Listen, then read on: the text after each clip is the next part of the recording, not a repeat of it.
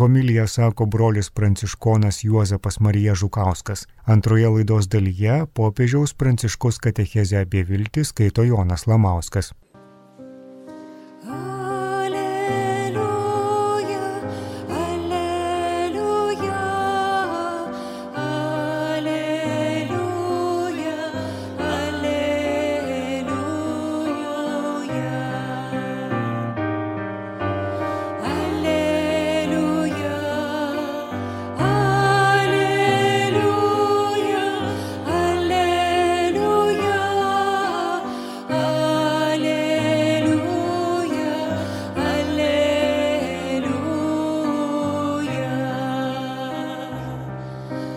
Maria.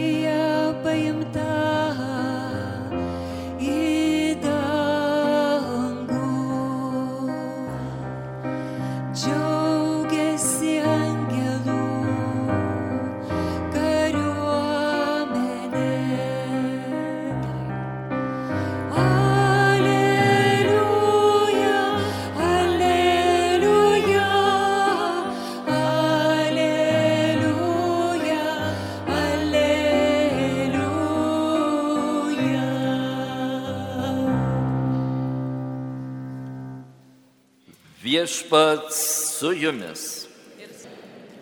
Pasiklausykite Šventojios Evangelijos pagal Luką. Anomis dienomis Marijas susiruošusi skubiai iškeliavo Judėjos kalnyno miestą. Ji nuėjo į Zacharijo namus ir pasveikino Elžbietą. Vos tik Elžbieta išgirdo Marijos sveikinimą, jos iščiose šoktelėjo kūdikis, o pati Elžbieta pasidarė kupina šventosios dvasios. Jie balsiai sušuko, tu labiausiai palaiminta iš visų moterų ir palaimintas tavo iščių vaisius. Iš kur man ta garbė, kad mano viešpaties motina aplanko mane? Štai vos tik tavo pasveikinimo garsas pasiekė mano ausis, šoktelėjo iš džiaugsmo kūdikis mano iščiose, laimingai tikėjusi, jog įsipildys, kas viešpaties jai pasakyta. O Marija prabilo. Mano siela šlovina viešpatį, mano dvasia džiaugiasi Dievu savo gelbėtoju, nes jis pažvelgiai nuolankę savo tarnaitę, štai nuo dabar palaiminta mane vadins visos kartos, nes didžių dalykų padarė mano viešpats ir šventas yra jo vardas. Jis maloningas iš kartos į kartą tiems, kurie jo klauso. Jis parodo savo rankos galybę ir jis klaido iš didžios širdies žmonės. Jis numeta galiūnus nuo sostų ir išaukština mažuosius. Alkstančius gerybėmis apdovanoja, turtuolius tuščiomis paleidžia.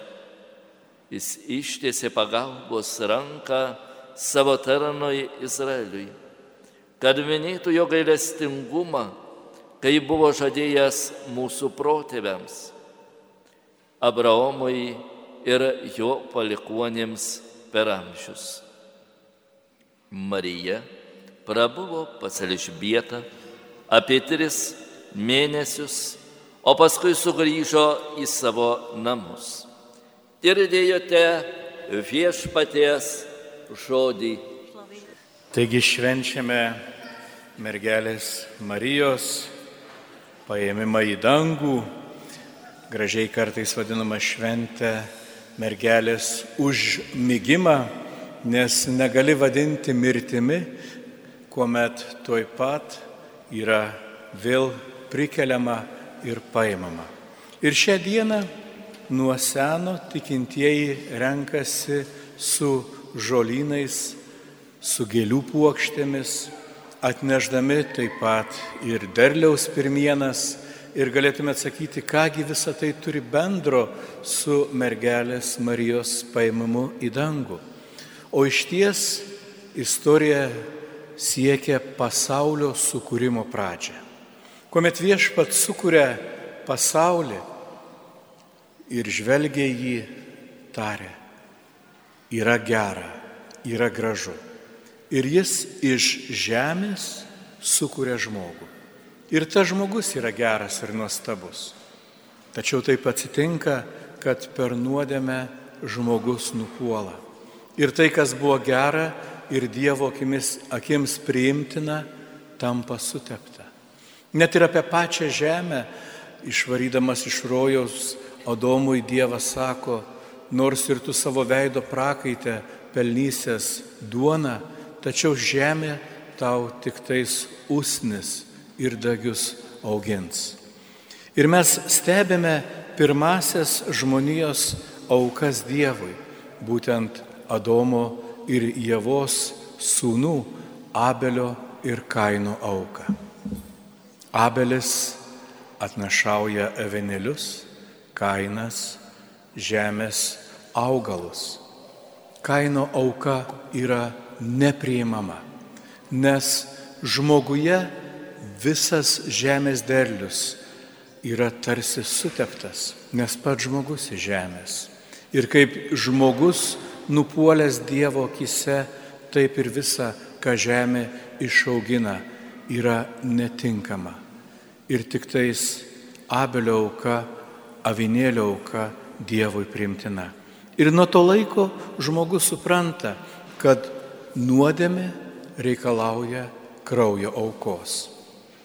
Ir mes stebime, net ir Nojus po tvano, nors atrodo žemė ištuštėjus, jis vis tik iš arkos ima tuos ret, retus gyvūnus, kuris turi ir aukoja Dievui kaip auka.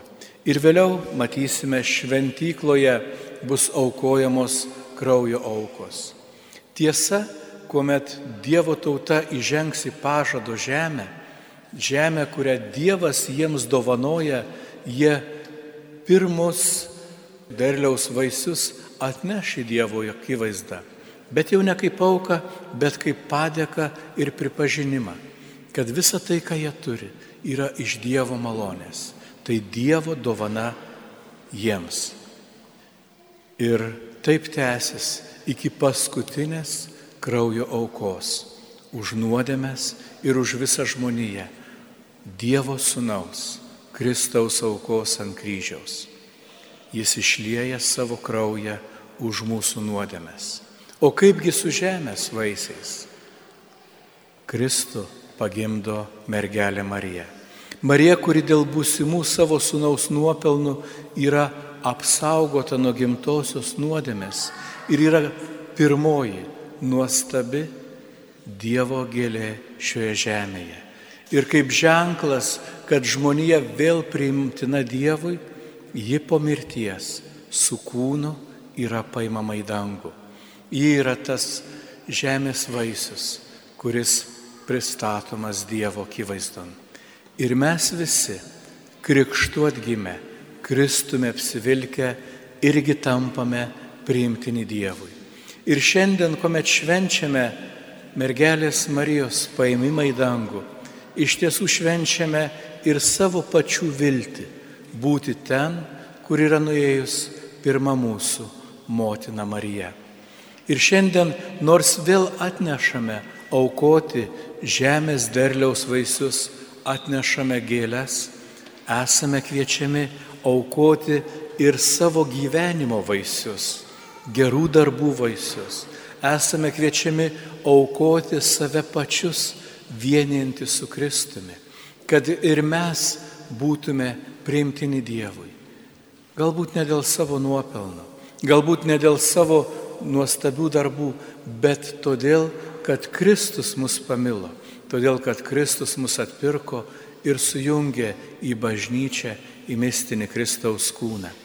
Ir kuomet ant altoriaus bus ruošiamos duonos ir vyno atnašos, kuomet kunigas jie žegnos melzdamasis, Dieve, te tampa tai mum Kristaus kūnų ir krauju.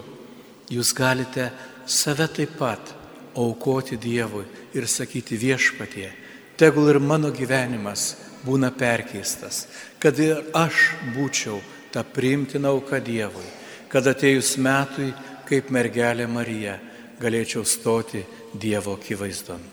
Tad šveskime, dėkojime Dievui, kad pagaliau buvo nuplauta žemės gėda, kad buvo pašalinta nuodėmė ir kad Marijoje matome Dievo pažadų išsipildymą, kad žmonija vėl galės džiaugtis Dievo draugystę ir artumą. Dabar pašventinsime jūsų atsineštus žolynus. Bet visų pirma noriu, kad atvertumėt ir savo širdis Dievui, kad pašventintume savo gyvenimus, pašventintume jūs pačius, kad jūs grįžę į namus taptumėte dovana savo artimiesiems. Tai kai keliausime čia šlakstydami švestų vandeniu, smilkydami, kelkite žolynus, bet kelkite ir savo širdis, papuoškite veidus šypsenomis, kad būtumėte nuostabiau, ką Dievo garbiai ir šloviai.